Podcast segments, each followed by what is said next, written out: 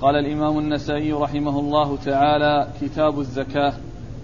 قال باب وجوب الزكاة.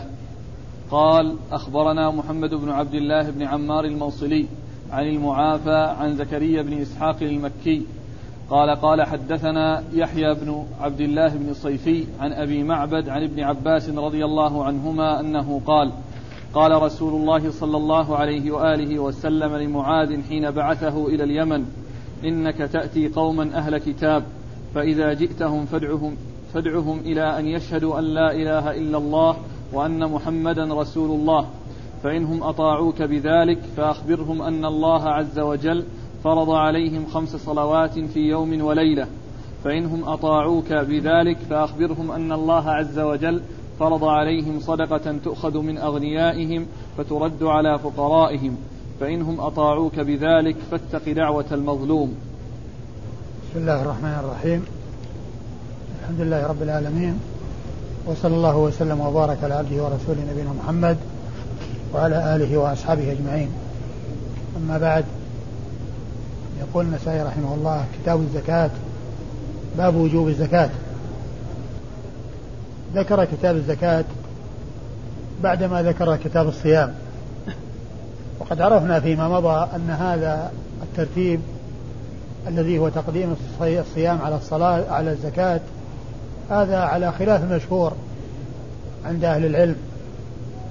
ذلك أنهم يقدمون الزكاة على الصيام لأن الزكاة هي التي يأتي كثيرا قرنها في كتاب الله قرنها بالصلاة في كتاب الله عز وجل وسنة رسوله صلى الله عليه وسلم. فإنه كثيرا ما يأتي ذكر الصلاة ويأتي معها إيتاء الزكاة فهما متلازمتان ويأتي ذكرهما كثيرا. لكن النسائي رحمه الله هنا يعني وفي بعض النسخ تقديم الصيام على الصلاة على الزكاة. وقد مر بنا كتاب الصيام وهذا هو كتاب الزكاة. وإنما قدمت الزكاة على غيرها بعد الصلاة لأنها كما أشرت أولا قرينتها في كتاب الله عز وجل ولتلازمهما في الذكر ولأن الزكاة حق مالي نفعه متعدي. بخلاف الصيام فإن نفعه قاصر. ولا يتعدى صاحبه وأما الزكاة ففيها التعدي من الغني إلى الفقير ومن المحسن إلى المحتاج ففي ذلك تعدية النفع. فيستفيد من ذلك المعطي والمعطى المزكي والذي يعطي الزكاة المتصدق والذي يعطي الصدقة.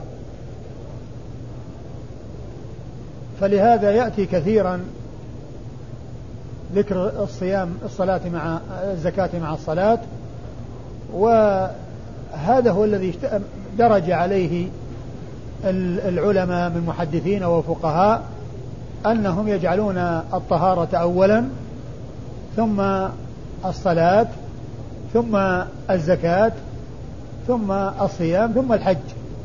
هكذا يرتبون. في كتب الحديث وكتب الفقه.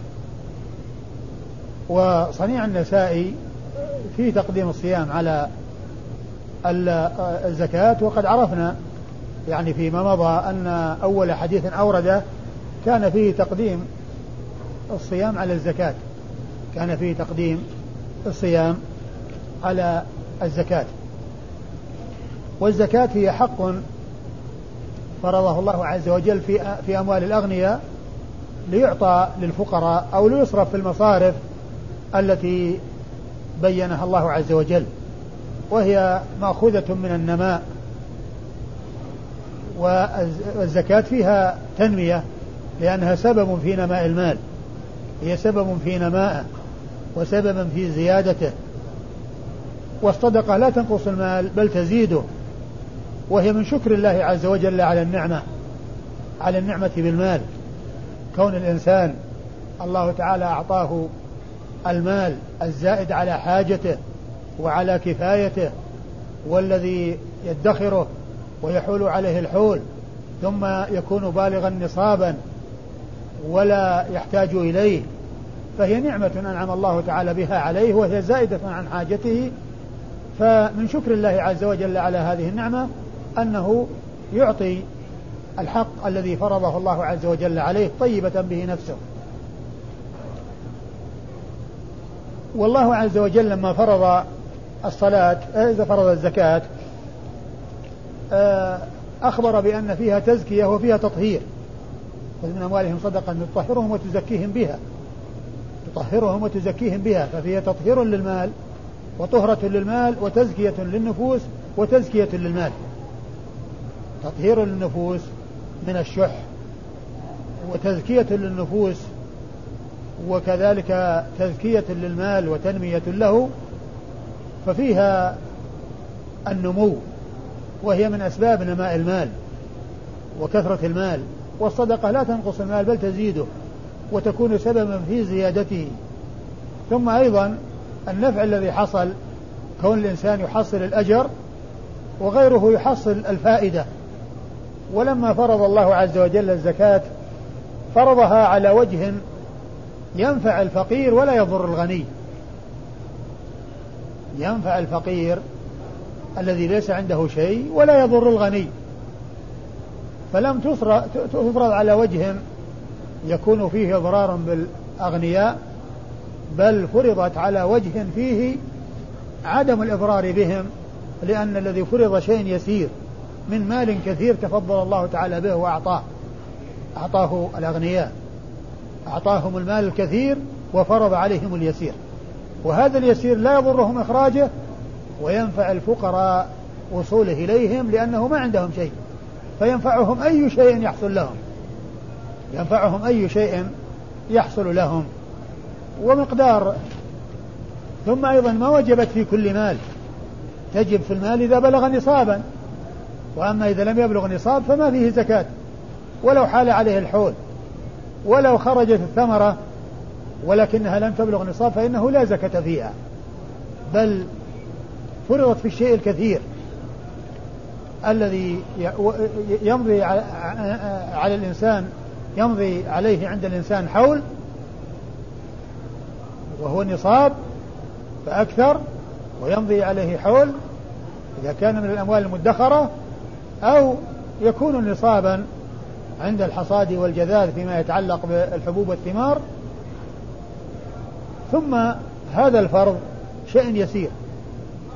بالنسبة للخارج من الأرض الخارج من الأرض إذا كان يخرج إذا كان الإنسان ما يتعب عليه ويسقى بماء الأمطار أو بماء العيون ولا ولا ولا يتعب على إخراجه وعلى وصوله إليه فإنه عليه فيه العشر. وإذا كان يستخرج بواسطة المضخات أو بواسطة السواني فإن فيه نصف العشر. إذا كان فيه كلفة يكون فيه نصف العشر. وإذا كان بغير كلفة يكون فيه العشر. وإذا كان من النقدين أو من عروض التجارة فإن فيه ربع العشر. يعني جزء من أربعين جزءا. جزء من أربعين جزءا مال كثير فرض الله فيه شيء يسيرا. فرض الله تعالى فيه شيئا يسيرا. لا يضر الغني إخراجه ويستفيد الفقير من وصوله إلى يده لأنه ما عنده شيء يقتاته وشيء يستفيده يستفيده. فإذا وصل إليه هذا الذي لا يضر الغني إخراجه فإنه ينفعه ويقضي حاجته ويسد عوزه.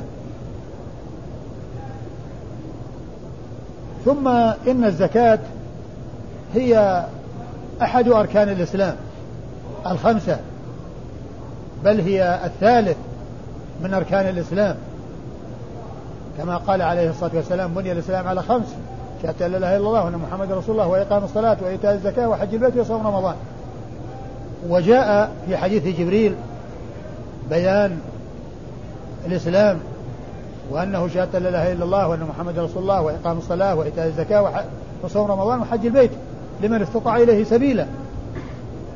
فهي ركن من أركان الإسلام التي انبنى عليها هذا الدين الحنيف. وهي قرينة الصلاة في كتاب الله سبحانه وتعالى. يقرن الله عز وجل بين الصلاة والزكاة في آيات كثيرة. إن تابوا وأقاموا الصلاة وآتوا الزكاة فخلوا سبيلا. إن تابوا وأقاموا الصلاة وآتوا الزكاة فإخوانكم في الدين. وما أمروا إلا ليعبدوا الله مخلصين له الدين حنفاء ويقيموا الصلاة ويؤتوا الزكاة. وذلك دين القيمة. آه الذين مكناهم في الأرض أقاموا الصلاة وآتوا الزكاة وأمروا بالمعروف ونهوا عن المنكر ولله عاقبة الأمور. فيأتي في القرآن كثيرا القرن بين الصلاة والزكاة. وفي الحديث أمرت أن أقاتل الناس حتى يشهدوا أن لا إله إلا الله وأن محمد رسول الله ويقيموا الصلاة ويؤتوا الزكاة. وأحاديث كثيرة فيها القرن والجمع بين الصلاة والزكاة. ثم إن النسائي رحمه الله أورد في باب وجوب الزكاة حديث عبد الله بن عباس رضي الله تعالى عنهما في قصة بعث معاذ إلى اليمن رضي الله تعالى عنه. وهو حديث عظيم. اعتنى به أهل العلم وقدموه على غيره. فالبخاري رحمه الله صدر به كتاب الزكاة وصدر به كتاب التوحيد. فهو أول حديث في كتاب الزكاة عنده وأول حديث في كتاب التوحيد عنده. وهو أول حديث عند النسائي في كتاب الزكاة. كما فعل البخاري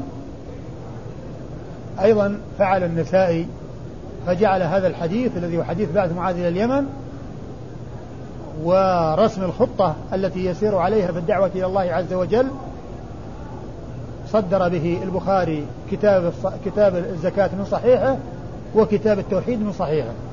وصدر به الإمام مسلم وصدر به الإمام النسائي كتاب الزكاة من سننه. وتبعه جماعة من المؤلفين في الحديث فصدروا به كتبهم. ففعل عبد الغني المقدسي في عمدة الأحكام أن جعل هذا الحديث أول حديث في كتاب الزكاة. وكذلك الحافظ بن حجر في بلوغ المرام جعله أول حديث في كتاب الزكاة.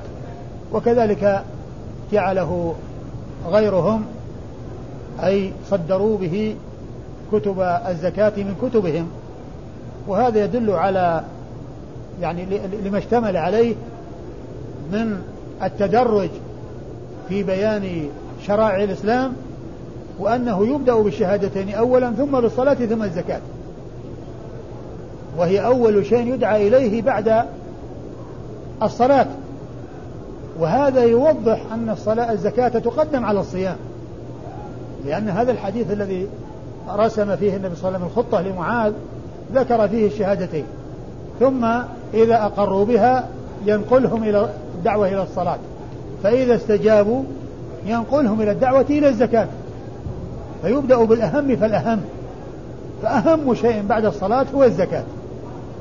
ولهذا فتقديم الصلاة تقديم الزكاة على الصيام هذا هو المشهور. وهو الذي تدل عليه الأدلة الكثيرة. وهو الذي يدل عليه هذا الترتيب الذي حصل في هذا الحديث بأنه يبدأ بالأهم فالأهم فأهم شيء التوحيد والشهادتان ويليه الصلاة ثم يليه الزكاة. فإنهم أجابوا فادعهم إلى كذا فإنهم أجابوا فادعوا إلى كذا. انتقال من من من أهم إلى مهم وتدرج مما هو أعلى إلى ما يليه ومما هو أهم إلى ما يليه. في الأهمية فلهذا آه، اعتنى يعني جماعة من المؤلفين بهذا الحديث فصدروا به كتبهم وفي مقدمتهم الإمام البخاري رحمة الله عليه كما أشرت إلى ذلك. وحديث بعث معاذ إلى اليمن رضي الله عنه آه، فيه أن النبي صلى الله عليه وسلم قال له إنك تأتي قوما أهل كتاب. وهذا تمهيد وتوطئة وتنبيه له إلى أن يعلم أن أولئك أهل علم وأهل كتاب يعني كتاب سابق وهم اليهود. فإن عندهم التوراة وإن كان حصل فيها تحريف وتبديل إلا أنهم ينتسبون إلى كتاب ويزعمون أنهم يتبعون كتابا. والكتاب حصل فيه تحريف وتبديل. لكن الذي عنده شيء جاء من الله عز وجل ليس كالجاهل الذي يعبد الأوثان ولا صلة له بدين ولا علاقة له بدين. فإن التمهيد الذي أرشد إليه الرسول صلى الله عليه وسلم ونبه عليه الرسول صلى الله عليه وسلم في أخذ الحيطة والاستعداد. ولهذا فإن الداعية عندما يتجه إلى بلد أو يراد الدعوة في بلد تعرف أحوال البلد وأهل البلد وما عندهم من العلم وما عندهم من الشبه وما عندهم من الأمور التي يحتاج إلى علاجها ويحتاج إلى آه، كشفها. وإلى توضيحها وبيان الحق. فالرسول صلى الله عليه وسلم قال إنه إنك تأتي قوما أهل كتاب يعني معناه أنه يستعد لهم ويعلم بأنهم ليسوا مثل الوثنيين الذين لا علاقة لهم بالدين ولا ينتمون إلى دين ولا آه تربطهم بالدين رابطة بل هم عبدة أوثان. مشركون. وإن كان النصارى واليهود أيضا هم كفار ومشركون لكن فرق بين كافر له علاقة بدين سابق وبين كافر لا علاقة له بأي دين. ولهذا صار لأهل الكتاب تميز على غيرهم في أحكام الإسلام تختلف عن أحكام الوثنيين الذين لا ينتمون إلى دين سابق جاء من الله عز وجل وجاء به رسل الله الكرام فهناك فرق بين هؤلاء وهؤلاء. أهل الكتاب حل لنا ذبائحهم ولم تحل لنا ذبائح الوثنيين وحل لنا نسائهم ولم تحل لنا نساء الوثنيين. يعني فإذا هناك أحكام تخصهم ويتميزون بها عن سائر الكفرة. الوثنيين الذين لا علاقة لهم بالدين ولا علاقة لهم بأي بدين من جاء من الله عز وجل ونزل من عند الله سبحانه وتعالى. فصار لهم أحكام تخصهم. فالنبي صلى الله عليه وسلم قال إنك تأتي قوم من أهل الكتاب فالرسول صلى الله عليه وسلم لما مهد هذا التمهيد أمره بأن يدعو بالتدريج ولا يأتيهم بالأحكام جملة. ويقول افعلوا كذا وافعلوا كذا وهم ما دخلوا في الدين. وإنما أول شيء يدعوهم إلى المفتاح والمدخل. المدخل إلى الإسلام وهو الشهادتان. الشهادة لله بالوحدانية ولنبيه محمد صلى الله عليه وسلم بالرسالة. فادعهم إلى أن يشهدوا أن لا إله إلا الله وأن محمد رسول الله. ادعهم إلى هذا. وهذا فيه أن الدعوة تكون بالأهم وتكون إلى الأهم لأن الرسول صلى الله عليه وسلم أرشد معاذا أن يدعوهم إلى الشهادتين التي هي الأساس. ولا ينفع أي عمل من الأعمال إذا لم يكن مبنيا على الشهادتين. بعد بعثة نبينا محمد عليه الصلاة والسلام لا ينفع أي إنسان يعمل عمل إلا إذا كان مبنيا ومستندا على شهادة أن لا إله إلا الله وشهادة أن محمد رسول الله. إذا كان مستسلما منقادا لله عز وجل يخصه بالعبادة ومتبعا النبي صلى الله عليه وسلم في ما يتعبد الله تعالى به. وهو ما سبق أن أشرت إليه أن دين الإسلام مبني على شرطين. الإخلاص والمتابعة. إخلاص العمل لله وتجريد المتابعة لرسول الله صلى الله عليه وسلم. وهو معنى أشهد أن لا إله إلا الله وأشهد أن محمد رسول الله. لأن أشهد أن لا إله إلا الله مقتضاها إخلاص العمل لله. وتجريد المتابعة. وشهادة أن محمد رسول الله معناها تجريد المتابعة للرسول صلى الله عليه وسلم. بأن يعبد الله وفقا لشريعته. ولهذا جاء عن بعض السلف قوله في قول الله عز وجل ليبلوكم أيكم أحسن عملا. قال العمل الأحسن هو الأخلص الأصوب.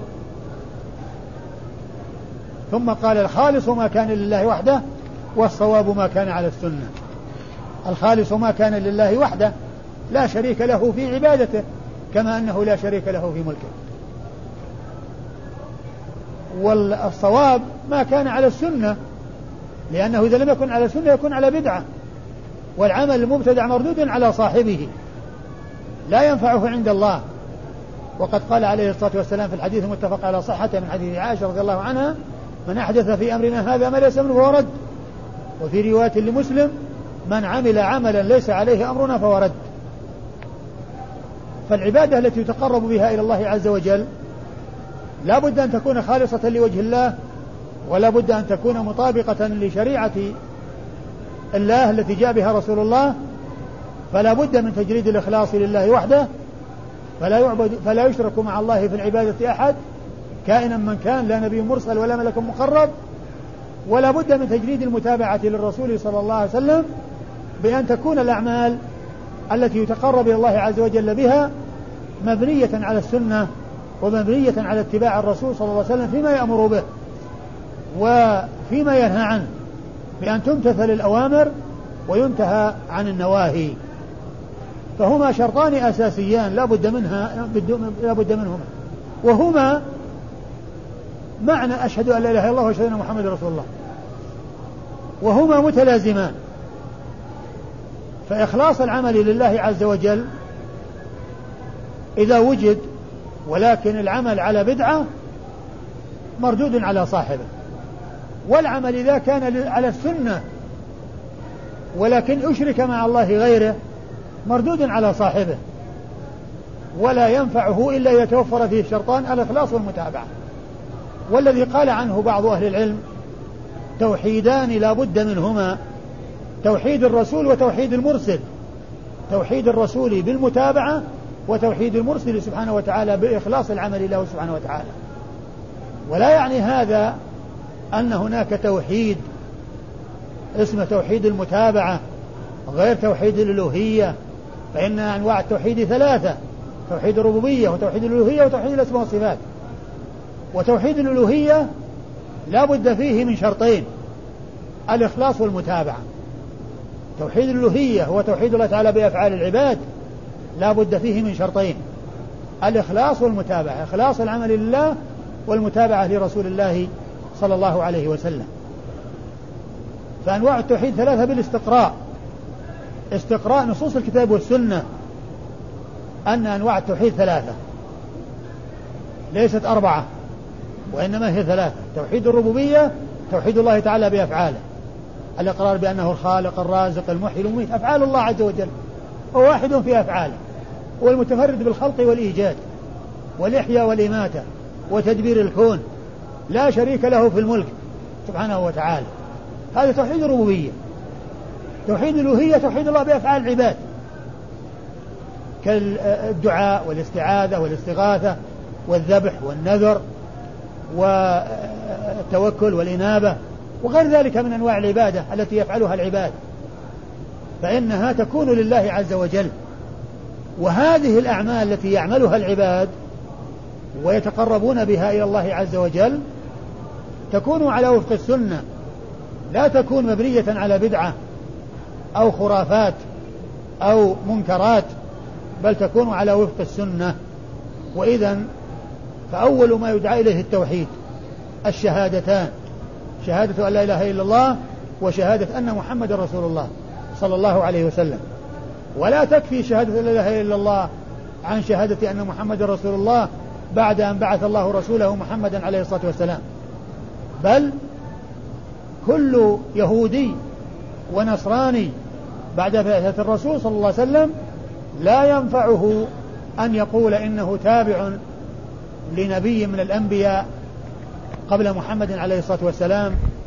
اليهود الذين يقولون يتبعون موسى والنصارى الذين يقولون أنهم يتبعون عيسى لأن شرائع موسى وعيسى انتهت ببعثته صلى الله عليه وسلم وجميع الشرائع كلها نسخت بشريعته وختمت بشريعته عليه الصلاة والسلام.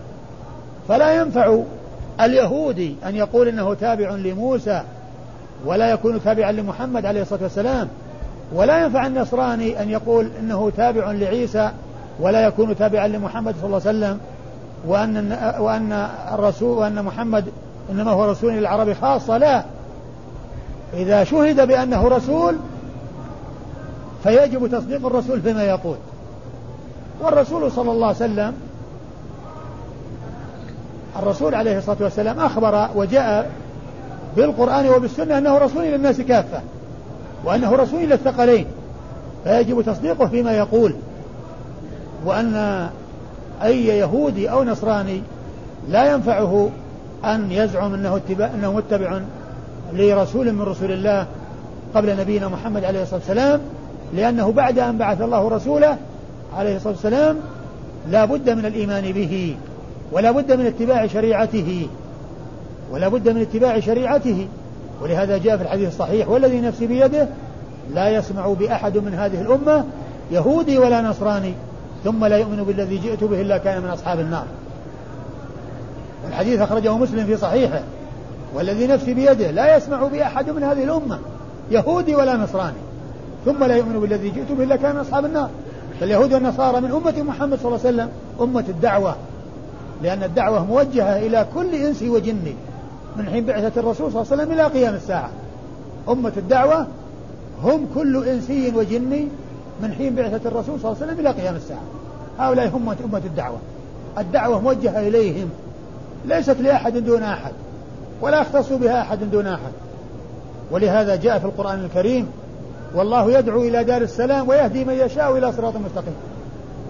فحذف المفعول في يدعو وأظهر المفعول في يهدي لأن الدعوة خاصة والهداية العام لأن الدعوة عامة والهداية خاصة. يعني والله يدعو كل أحد. كل مدعو إلى دار السلام. ما أحد يدعى وأحد ما يدعى. أحد يبين له الحق وأحد يستر عنه الحق أو يخفى عن عن الحق. لا. الحق مبذول. ويبذل لكل أحد. والله يدعو إلى دار السلام يعني كل أحد مدعو إلى دار السلام. كل مدعو إلى دار السلام. لكن ما كل يهدى إلى الصراط المستقيم؟ لأن الله تعالى شاء أن يكون الناس فريقين فريق في الجنة وفريق في السعير وما شاء الله كان. لابد أن يوجد ما قدره الله وقضاه. ولهذا قال ويهدي من يشاء إلى صراط مستقيم. ما قال يهدي كل أحد؟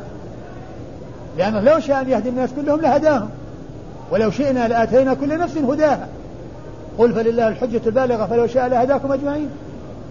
لكن الله تعالى شاء أن يكون الناس فريقين فريق في الجنة وفريق في السعير وأرسل الرسل لبيان الطريق إلى الجنة والطريق إلى النار. فمن وفقه الله عز وجل أخذ بأسباب السعادة ومن لم يوفق أخذ بطريق الشقاوة وطريق الخذلان والعياذ بالله. وعلى هذا فأمة, فأمة محمد صلى الله عليه وسلم أمتان أمة دعوة وأمة إجابة. فأمة الدعوة هم كل إنس وجن من حين بعثة صلى الله عليه وسلم إلى قيام الساعة. ولهذا أثبت الله عز وجل الهداية للرسول عليه الصلاة والسلام في آية ونفاها عنه في آية. والهداية المثبتة غير الهداية المنفية. قال الله عز وجل وإنك لتهدي إلى صراط مستقيم. يعني تدل وترشد. وأنت تدل كل أحد. ما تدل أحد دون أحد. ونفيت عنه الهداية في قوله إنك لا تهدي من أحببت. ولكن الله يهدي من يشاء. هداية التوفيق. هذه التي لله عز وجل وليست للرسول صلى الله عليه وسلم. لكن التي هي للرسول صلى الله عليه وسلم الدلالة والإرشاد وقد حصلت. كما قال الإمام الزهري رحمة الله عليه من الله الرسالة وعلى الرسول البلاغ وعلينا التسليم. فالذي من الله عز وجل وهو الرسالة قد حصل. الله أرسل الرسل وأنزل الكتب. والذي على الرسل هو البلاغ وقد حصل فقد بلغوا البلاغ المبين وما تركوا شيئا أمروا بتبليغه إلا وقد أدوه وبلغوه على التمام والكمال.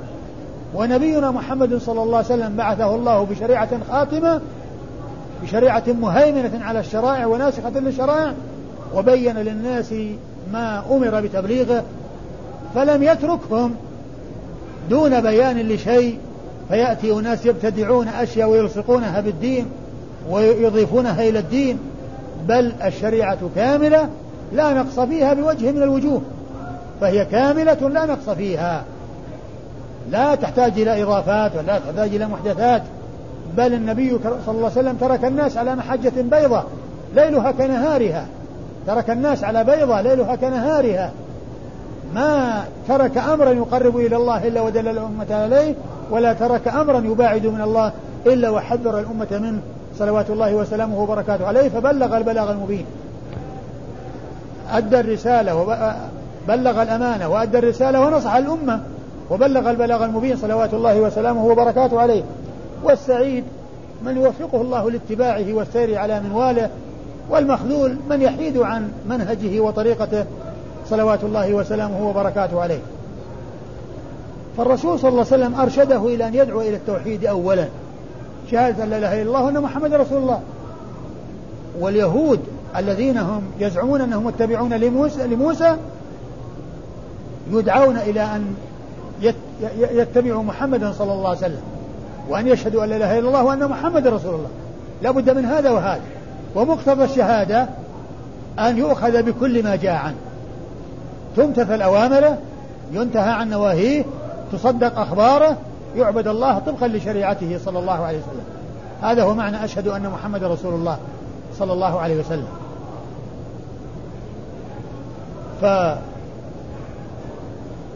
فأول شيء يدعى إليه التوحيد.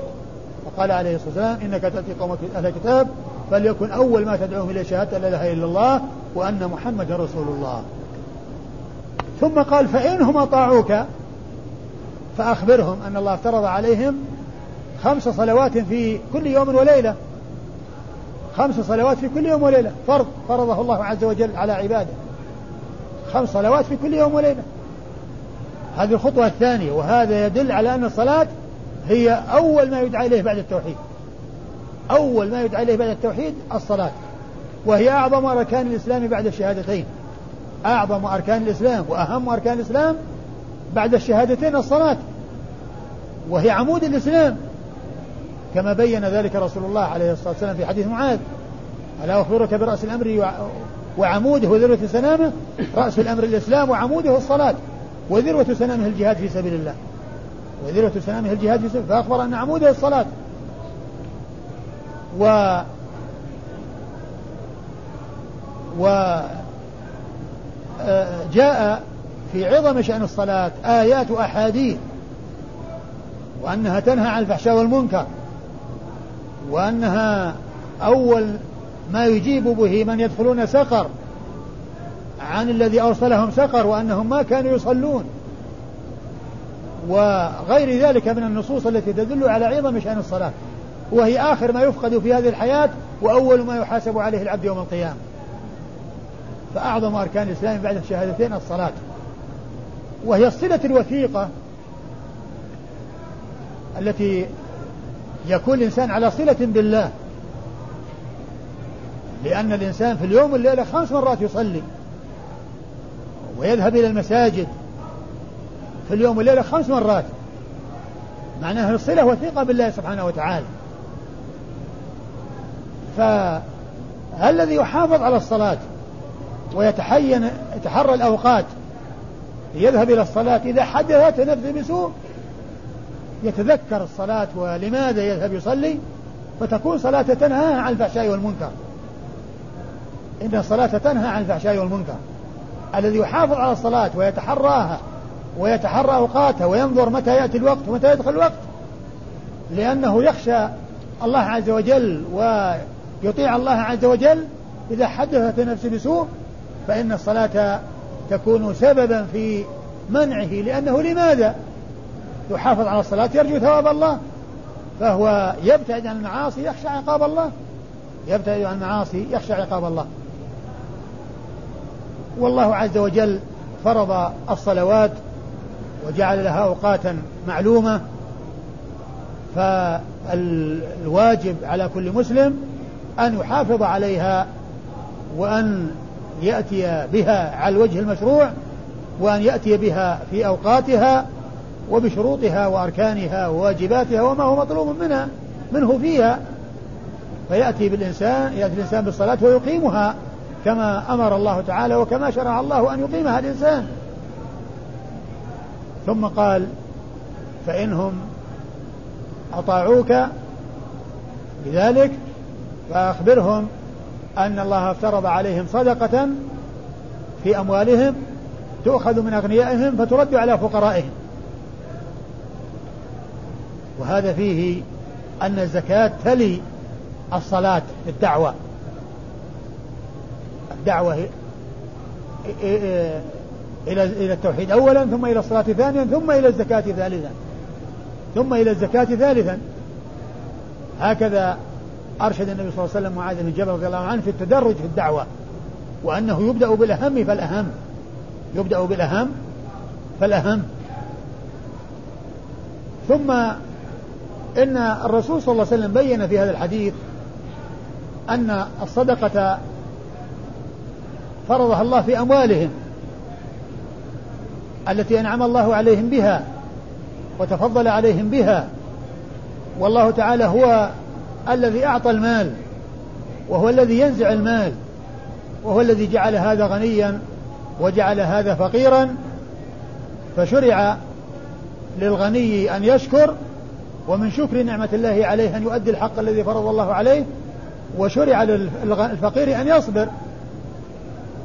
وشرع للفقير أن يصبر على ما ابتلاه الله عز وجل به من الفقر. والله تعالى يبتلي بالنعم ويبتلي بالنقم. يبتلي بالغنى ويبتلي بالفقر. والله تعالى يبتلي بالخير والشر. فالله يبتلي الأغنياء بالمال ويبتلي الفقراء. بعدم حصول المال لهم.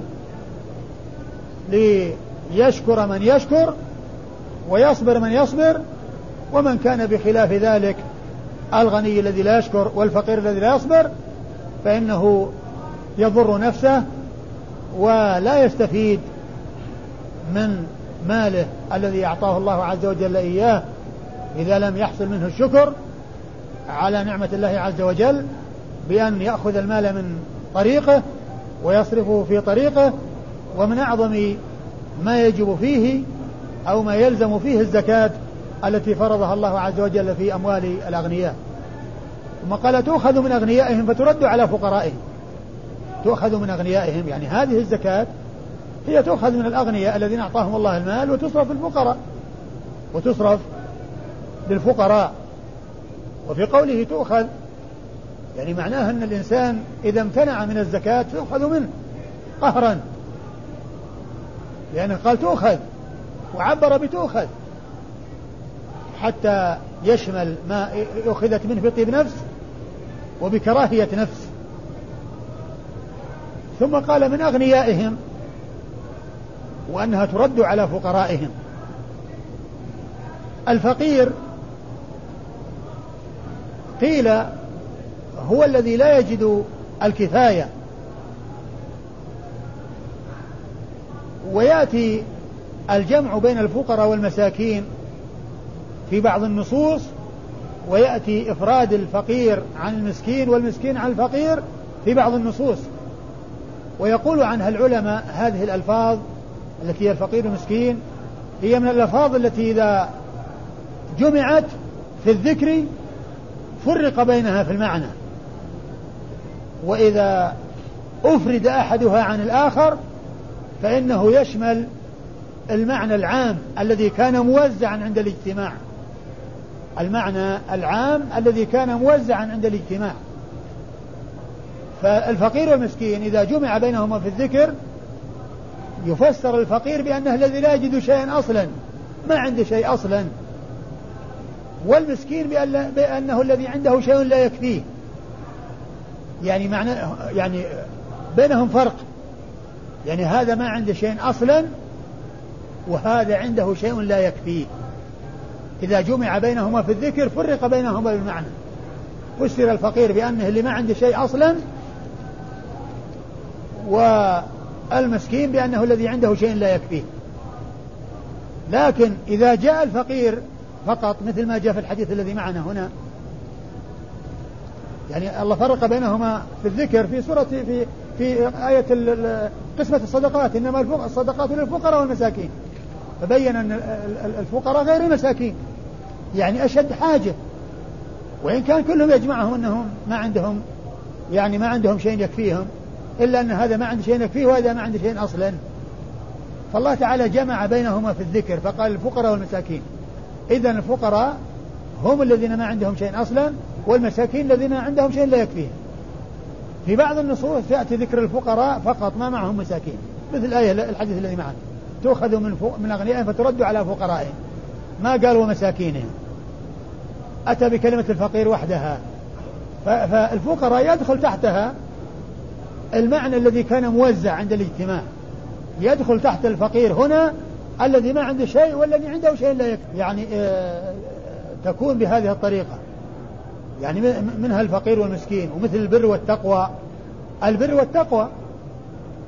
يأتي الجمع بينهما فيكون البر له معنى والتقوى لها معنى لكن إذا جاء البر وحده دخل فيه ما يشمل التقوى.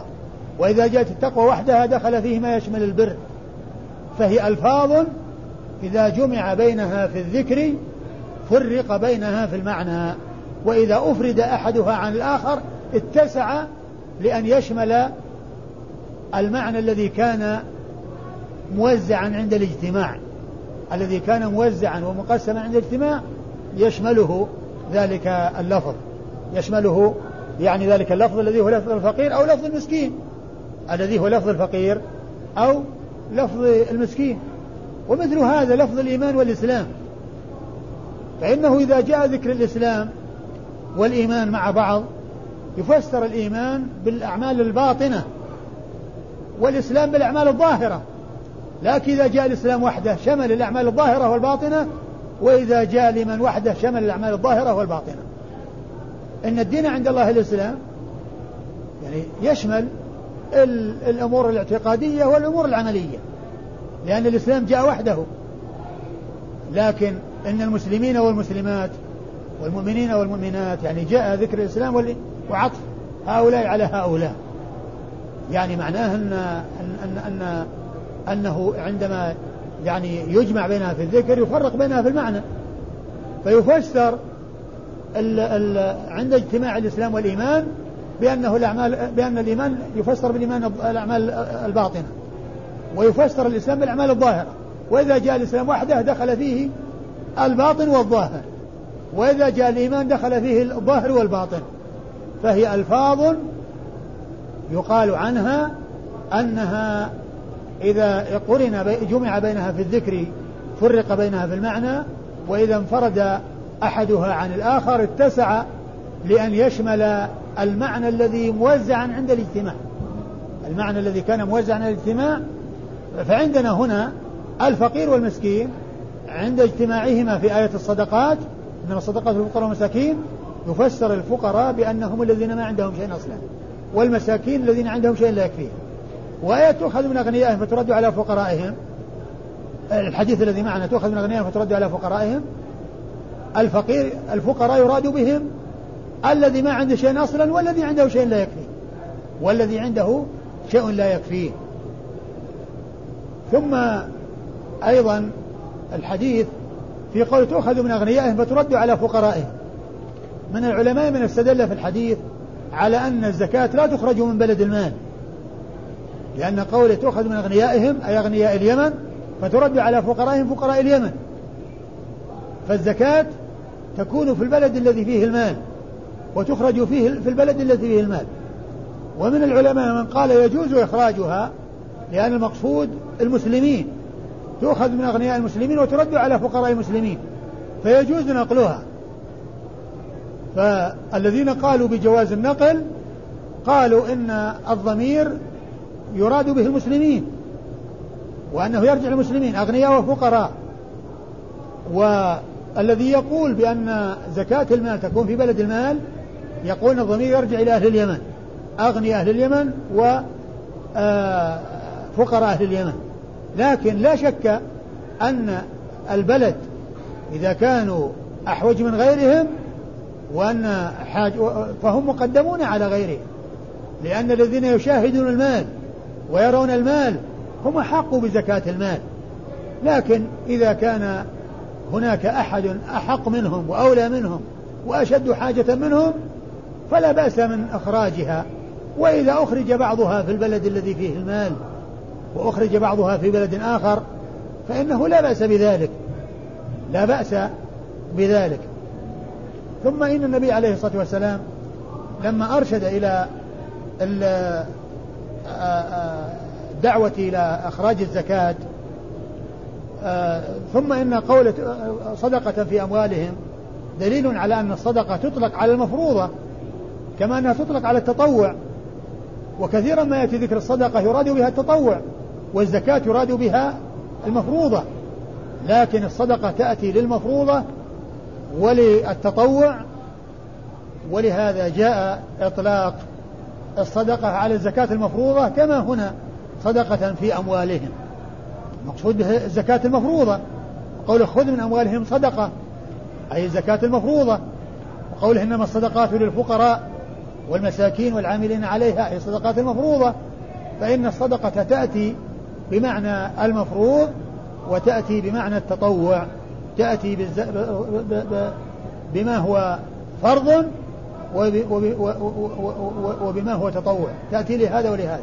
بخلاف الزكاة فإنها تأتي يعني فيما هو مفروض واستعمالها فيما هو مفروض. ولهذا يأتي الجمع بين الصلاة والزكاة بلفظ الزكاة. يعني إخراج الزكاة إيتاء الزكاة. يعني يأتي يعني معناها المفروضة التي فرضها الله عز وجل. هي التي آه، قرنت بالصلاة وهي التي هي لازمة وواجبة ومتعينة بخلاف الصدقة فإنها إحسان وتطوع. والله عز وجل يقول كما في الحديث القدسي وما تقرب إلي عبدي بشيء أحب إلي مما افترضته عليه ولا يزال عبدي يتقرب إلي بالنوافل حتى أحبه. الحديث. ثم إن النبي صلى الله عليه وسلم أرشد بعد أن يستجيبوا لأخذ لدفع الزكاة كما جاء هنا الرواية ليس فيها ذكر الكرائم لكن فيها آه، اتقاء دعوة المظلوم. وقد جاء في ال يعني في في الصحيحين وفي غيرهما ذكر كرائم الأموال لأن وسلم قال فإنهم أجابوك فإنهم أطاعوك. أي بأن استسلموا وانقادوا لإعطاء الزكاة قال إياك وكرائم أموالهم يعني لا تأخذ الزكاة من من أنف من من من, من أنفس أموالهم بل يؤخذ من المتوسط. لا يؤخذ الجيد ولا الرديء وإنما يؤخذ من أوساط المال. يؤخذ من أوساط المال. فالرسول صلى الله عليه وسلم لما قال لما أرشده أن يأخذ الزكاة قال فإنهم أطاعوك لذلك أطاعوك لذلك فإياك وكرائم أموالهم يعني احذر أن تأخذ منهم الزكاة على وجه لا يجب عليهم إلا إذا أخرجوه هم طيبة به نفوسهم ما في بأس. إذا دفعوا النفيس أو تقدموا هم بدفع النفيس يؤخذ منهم. أما أن يؤخذ منهم ويلزمون به ونفوسهم لا تسمح بذلك فإن هذا ظلم. ولهذا قال فإياك وكرائم واتق دعوة المظلوم. لأنها إذا أخذت الكرائم يعني بغير طيب أنفسهم فإن ذلك من الظلم لهم لأن الحق الذي فرضه الله الوسط ليس النفيس وليس الرديء ليس النفيس وليس الرديء وإنما هو الوسط الذي بين هذا وهذا. فإذا أعطوا النفيس لا بأس. إذا أعطوه وجادت به نفوسهم ولم يؤخذ منهم قهرا وقسرا لا بأس يؤخذ. أما أن يؤخذ منهم فإن هذا ظلم. ولهذا قال واتق دعوة المظلوم. يعني معناه إذا فعلت هذا يكون ظلم. واتق دعوة المظلوم لأن الإنسان إذا ظلم فهو يدعو على من ظلمه ودعوة المظلوم ليس بينه وبين الله حجاب. فإنها لا صارف يصرفها ولا مانع يمنع منها. لكن هذه الدعوة يعني لا يلزم أن تكون يعني آه تحصل ويحصل مقتضاها. بل الأمر كما جاء في بعض الأحاديث أن الإنسان إذا دعا دعوة يعني فإنه إما أن يحصل ما أراد أو يدفع عنه من الشر أو يدخر له من الخير ومن الثواب يعني ما يدخره الله عز وجل كما جاء ذلك في حديث عن رسول الله صلوات الله وسلامه وبركاته عليه. الحاصل أن هذا حديث عظيم ومن جوامع كلمه صلى الله عليه وسلم ومن ومن كمال نصحه وفصاحته وبلاغته صلوات الله وسلامه وبركاته عليه. وفيه بعث الدعاة إلى الله عز وجل. وبعث ورسم الخطة لهم. لأن الرسول رسم الخطة فقال افعل كذا فإن كان افعل كذا. وأنه يبدأ بالأهم فالأهم وأنه يعرف أحوال المدعوين حتى يستعد الداعية لهم. وأنه يبدأ بالتوحيد أولا فيبدأ بالأهم فالأهم. ثم أنه ينتقل إلى الصلاة وأنها أعظم أركان الإسلام بعد الشهادتين. ثم ينتقل إلى الزكاة وهي التي تلي الصلاة. وفيه ما أشرت إليه يعني من الفوائد والحاصل أنه حديث عظيم من جوامع كلمه صلى الله عليه وسلم ثم أيضا فيه قبول خبر الواحد والاحتجاج به في العقائد وغير العقائد لأن النبي صلى الله عليه وسلم أرسل معاذا إلى اليمن ليدعوهم إلى التوحيد وإلى الصلاة والزكاة. ومن المعلوم أن الحجة قامت عليهم بتعليم معاذ لهم وهو أرشده إلى التوحيد أولا يدعوهم إلى التوحيد. فخبر الواحد وقبول خبر الواحد هذا أصل ثابت في الكتاب والسنة وهذا دليل من أدلته هذا الذي معنا من أدلته لأنه أرسل شخصا واحدا إلى اليمن يدعوهم إلى التوحيد يدعوهم إلى الشهادتين. يدعوهم إلى إخلاص العمل لله وإلى متابعة الرسول الكريم صلوات الله وسلامه وبركاته عليه. ثم إن الحديث ليس فيه ذكر الصيام ولا ذكر الحج. ليس فيه ذكر الصيام ولا ذكر الحج. مع أن بعث معاذ كان متأخرا بعد فرض الصيام وبعد فرض الحج. كان في زمن متأخر. وتوفي رسول الله صلى الله عليه وسلم وهو في ولايته. على اليمن ولايته على اليمن رضي الله تعالى عنه وأرضاه. ف آه، تكلم العلماء في عدم ذكر ذكر الصيام والصلاة آه، والحج. وأجابوا بأجوبة.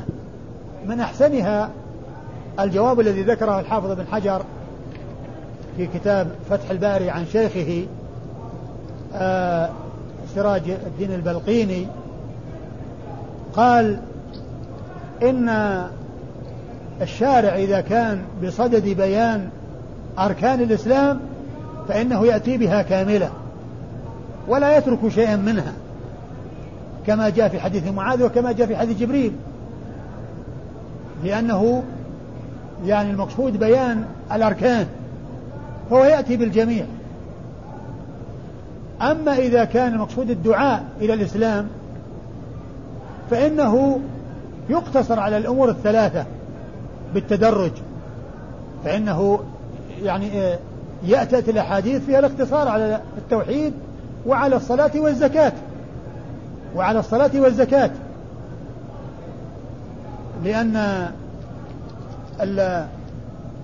لأنه إذا كان المقصود هو بيان الأركان يأتي الأركان الخمسة. وأن الإسلام على خمس وتأتي الخمسة. الإسلام أن تشهد لا إله إلا الله وأن محمد رسول الله في حديث جبريل ويأتي بالخمسة. لكن لما كان في الدعوة إلى التوحيد فإنه يذكر الأشياء الثلاثة وغيرها تابع لها. قال والحكمة في ذلك أن الشهادتين هي الأساس وهي ثقيلة على الكفار أن يشهدوا يعني يجعلوا يعني الإله واحدا. بل هم يجعلون الآلهة المتعددة والآلهة المختلفة فيثقل عليهم أن يعني يأتوا أو يعبدوا الإله الواحد. كما أخبر الله عن الكفار أجعل الآلهة إلها واحدا إن هذا لشيء عجاب. وأما الصلاة فلتكررها وهي تتكرر في اليوم والليلة. وهي عبادة بدنية. وهي عبادة بدنية. ثم الزكاة لأن المال عظيم شأنه عند النفوس. والله جبل النفوس على حب المال. فإذا حصل المحافظة على الصلاة وهي تتكرر في اليوم والليلة خمس مرات فالمحافظة على الصيام الذي لا يأتي في السنة إلا مرة واحدة وهو عمل بدني من باب أولى يمكن من أسهل. لأنه ذكر ذكر الأشياء التي إذا فعلت غيرها يكون سهلا على من أتى بها. والحج بدني مالي. والحج بدني مالي. فالذي يحافظ على الصلاة في اليوم والليلة خمس مرات ويحافظ على الزكاة التي هي عبادة مالية والنفوس جبلت أو من على محبة المال. فإن من سهل عليه بذل المال في الزكاة يسهل عليه بذله في الحج يسهل عليه بذله وإنفاقه في الحج ليؤدي الفرض الذي فرضه الله عز وجل عليه في الحج. وكذلك الذي يحافظ على الصلاة وهي عبادة مالي بدنية تتكرر اليوم خمس مرات يمكن من السهل عليه أن يتكلف آه يكلف بدنه سفرة في عمره مرة واحدة يؤدي بها الحج. قالوا ف لم تذكر الصلاة الصيام والحج وقد كان بعث معاذ إلى اليمن بعد فرضهما لأن الذي يأتي بهذه الأمور الثلاثة التي هي الشهادتين التي هي الشهادتان والصلاة والزكاة يسهل عليه أو من السهل عليه أن يأتي بما وراءها من الصيام والحج. يأتي بما وراءها من الصيام والحج. وأما إسناد الحديث فيقول النسائي أخبرنا محمد بن عبد الله بن عمار. أخبرنا محمد بن عبد الله بن عمار الموصلي وهو ثقة أخرج حديثه النسائي وحده. عن المعافى. عن المعافى وهو بن عمران الموصلي وهو ثقة أخرج حديثه البخاري. وأبو داود والنسائي. البخاري وأبو داود والنسائي. عن زكريا بن إسحاق عن زكريا بن إسحاق المكي وهو ثقة أخرج حديثه أصحاب الكتب الستة. عن يحيى بن عبد الله بن صيفي. عن يحيى بن عبد الله بن صيفي المكي وهو ثقة أخرج له أصحاب الكتب الستة أيضا. عن أبي, عن عن أبي, أبي معبد. وهو نافذ اسم اسمه نافذ مولى ابن عباس مشهور بكنيته أبي معبد وحديثه أخرجه أصحاب الكتب الستة. عن عبد الله بن عباس ابن عبد المطلب ابن عم النبي صلى الله عليه وسلم وأحد العبادة الأربعة من أصحابه الكرام وأحد السبعة المعروفين بكثرة الحديث عن النبي صلى الله عليه وسلم. والحديث هو من مسند ابن عباس. وقد جاء في صحيح مسلم في بعض الروايات أنه آه، أن ابن عباس يرويه عن معاذ. قال عن ابن عباس عن معاذ. ولا ولا تنافي بينهما فيمكن أن يكون ابن عباس يعني شهد ذلك أو أنه بلغ أخذ ذلك عن معاذ فكان يرويه عنه بواسطة ويروي ويضيفه إلى الرسول صلى الله عليه وسلم لأن مراسيل الصحابة كما هو معلوم حجة. وهنا معروف حجة لا لم تعرف الواسطة وهنا قد عرفت الواسطة وهو معاذ بن جبل رضي الله تعالى عنه. وعن الصحابة أجمعين. ولكن الحديث هنا عند النسائي هو من مسند ابن عباس وليس من مسند معاذ. قال أخبرنا محمد بن عبد الأعلى. قال حدثنا معتمر. قال سمعت بهز بن حكيم يحدث عن أبيه عن جده رضي الله عنه أنه قال قلت يا نبي الله ما أتيتك حتى حلفت أكثر من عددهن لأصابع يده لأصابع يده أن لا آتيك ولا آتي دينك. وإني كنت امرأ لا أعقل شيئا إلا ما علمني الله عز وجل ورسوله وإني أسألك بوحي الله بما بعثك ربك إلينا. قال بالإسلام. قلت وما آيات الإسلام؟ قال أن تقول أسلمت وجهي لله وتخليت وتقيم الصلاة وتؤتي الزكاة. ثم ورد النسائي حديث معاوية بن حيدة معاوية بن حيدة القشيري رضي الله تعالى عنه الذي فيه أنه جاء إلى النبي صلى الله عليه وسلم وقال له يعني وكان كارها للنبي صلى الله عليه وسلم ولدينه وقال إنني حلفت يعني عدتهن ويشير إلى يده يعني عدة أصابع يده يعني يشير إلى أصابع يده. حلف أيمان مكررة أنه لا يأتي الرسول ولا يأتي دين الرسول ولا يؤمن بالرسول صلى الله عليه وسلم. وقد من الله عليه وجاء وآمن بالرسول صلى الله عليه وسلم وسأله عن الشيء الذي بعثه الله تعالى به والشيء الذي أريد منه. فقال أسألك بوحي الله.